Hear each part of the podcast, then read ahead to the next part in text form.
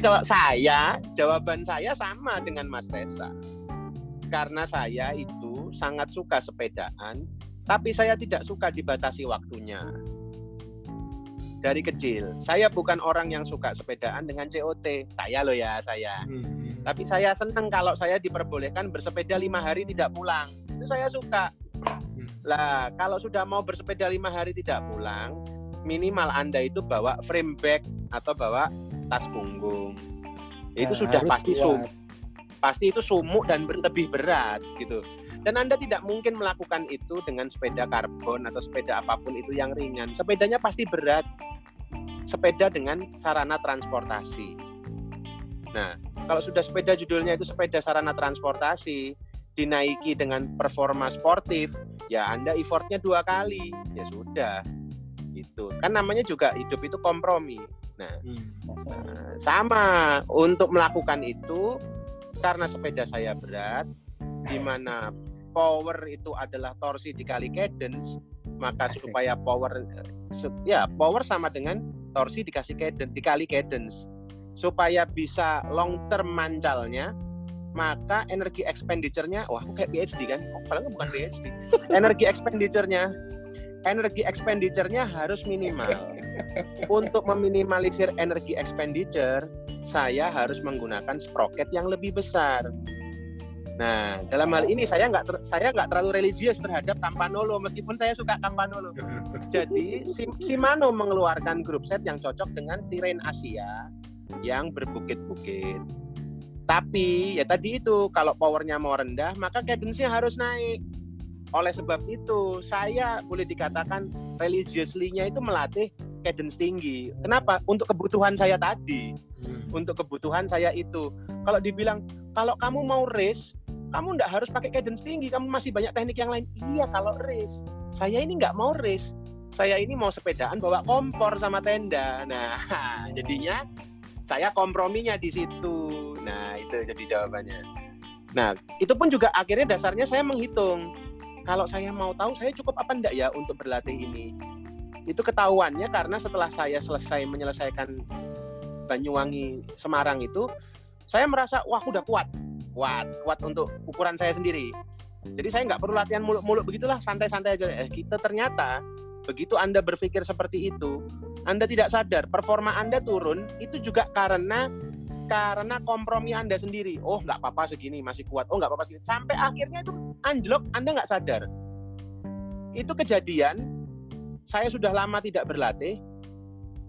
Mendadak ketika acara ortopedi tahun lalu di Solo saya disuruh jadi RC oleh Zuhad. Itu saya ngoyo banget sebetulnya. Saya sudah merasa ini ada yang salah nih latihan saya sudah mulai kurang.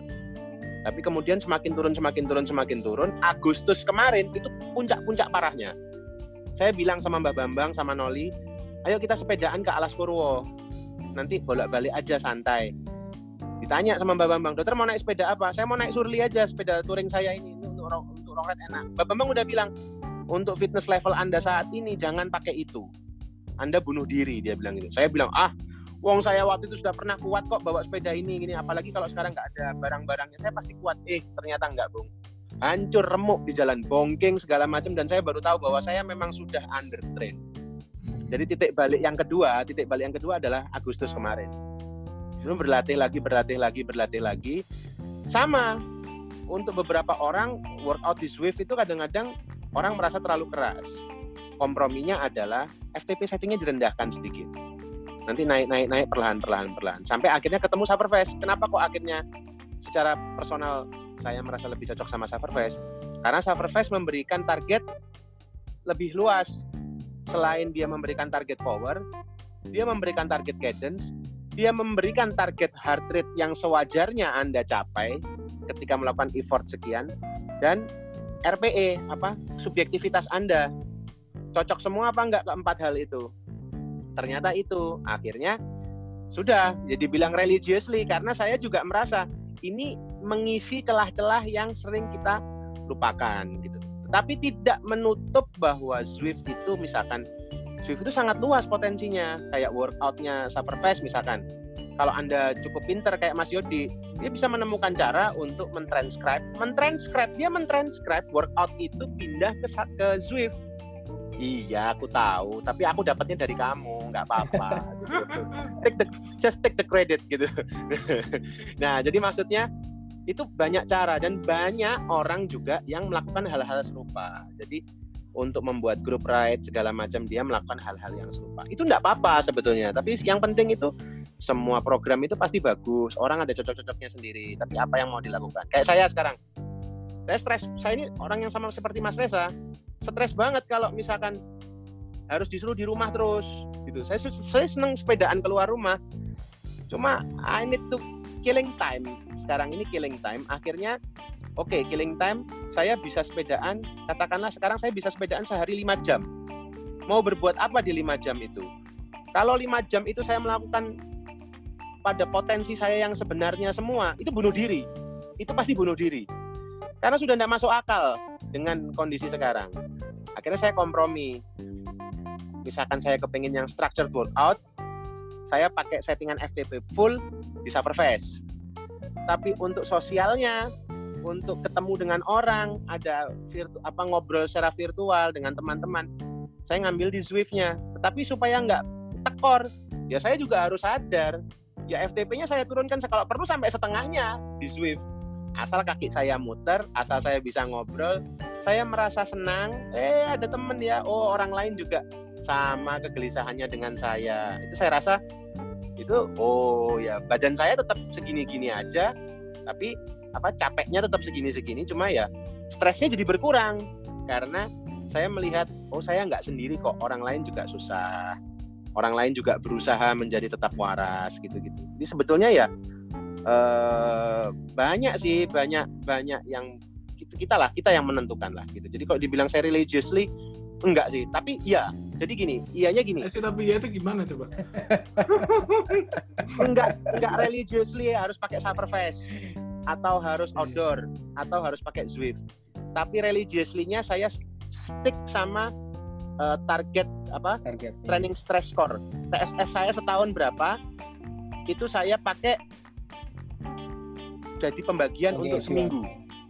Sebagai acuan pembagian seminggu dan dalam hal ini saya yang amatir ini tidak bisa menghitung dengan detail. Saya minta tolong sama training fix terus terang. Training fix itu anda bisa memasukkan targetmu apa pada bulan ta pada tahun bulan sekian targetmu apa mau gimana. Nah, saya masang targetnya cuma bersepeda sehari 150 kilo atau 12 jam selama lima hari berturut-turut. Nah, ternyata dari hasil dari dari permintaan itu selama setahun sekali, saya ditarget, oh Anda cuma butuh 300 TSS seminggu kalau dibagi rata. Per minggu. Berarti kalau seminggu katakanlah saya mau libur satu hari, berarti saya punya enam hari kerja, enam hari berlatih. Enam hari berlatih berarti 300 bagi 6 ya 50. 50 TSS per hari itu double. Pada kenyataannya ketika Anda sudah mulai keranjingan olahraga, 50 TSS itu selilit sebetulnya tapi tapi tidak apa-apa tapi tidak apa-apa berarti kalau gitu kalau ini saya naikkan nantinya saya bisa lebih lama atau lebih lama dalam sehari atau durasi harinya yang bertambah ya sudah saya syukuri aja lagian saya lakukan aja sebelum nanti datang hari di mana mungkin pekerjaan pas lagi banyak kita nggak bisa gitu cuma peringatannya training peaks itu juga bagus. Oh, Anda butuh istirahat ekstra hari ini. Nah, itu saya saya saya religiously kalau di situ. Ya, ya, oh, ya, ya. oke. Okay. Ini alarm ini kalau ditabrak, saya saya sih memakai tools-tools itu untuk jadi saya orang yang cukup rewel sebetulnya. Ya, saya terlalu rewel terhadap kontrol karena saya tahu orang seperti kita ini orang yang terbiasa nyerempet-nyerempet bahaya karena pekerjaan ya. Pekerjaan kita kan seperti itu gitu. Ya itu itu itu bahaya kalau nggak dikontrol sejak kita nggak bikin kontrol dari eksternal yeah, kita kita orang yang sangat berbahaya sangat potensial karena ahli bedah itu sedikit banyak adrenalin jangki wis meskipun bedah saraf yang ngerjakannya sabar obstetri urologi gitu sampai ortopedi yang geradakan itu sebetulnya sama semua adrenalin jangki cuma satunya nyari adrenalin dari paper dari bikin paper yang sulit satunya ngerjain kasus yang delicate satunya kuat-kuatan operasi yang lama satunya operasi yang besar-besar yang capek-capek. Nah, sebenarnya sama, kita adrenalin jangki. Nah, itu karena itu kita harus sadar kita ini orang yang masuk, sangat berbahaya, masuk. sangat bisa kebablas. Kita ini sangat bisa kebablas, maka kita harus bikin kontrol eksternal. Termasuk ya teman peer group ini peer group yang sangat sehat karena nggak sungkan ngomong kon kebacut kamu terlalu berlebihan itu teman-teman kita nih nggak sungkan bilang begitu itu sangat sangat oke okay sih menurut saya kalau Hari sendiri gimana Hari kan juga pengalamannya pernah dari biasa. hidup teratur sekali waktu sekolah di Belanda sampai kemudian desperate karena culture shock ketika pulang ke sini toh. Nah, sampai sekarang sudah mulai menata lagi toh.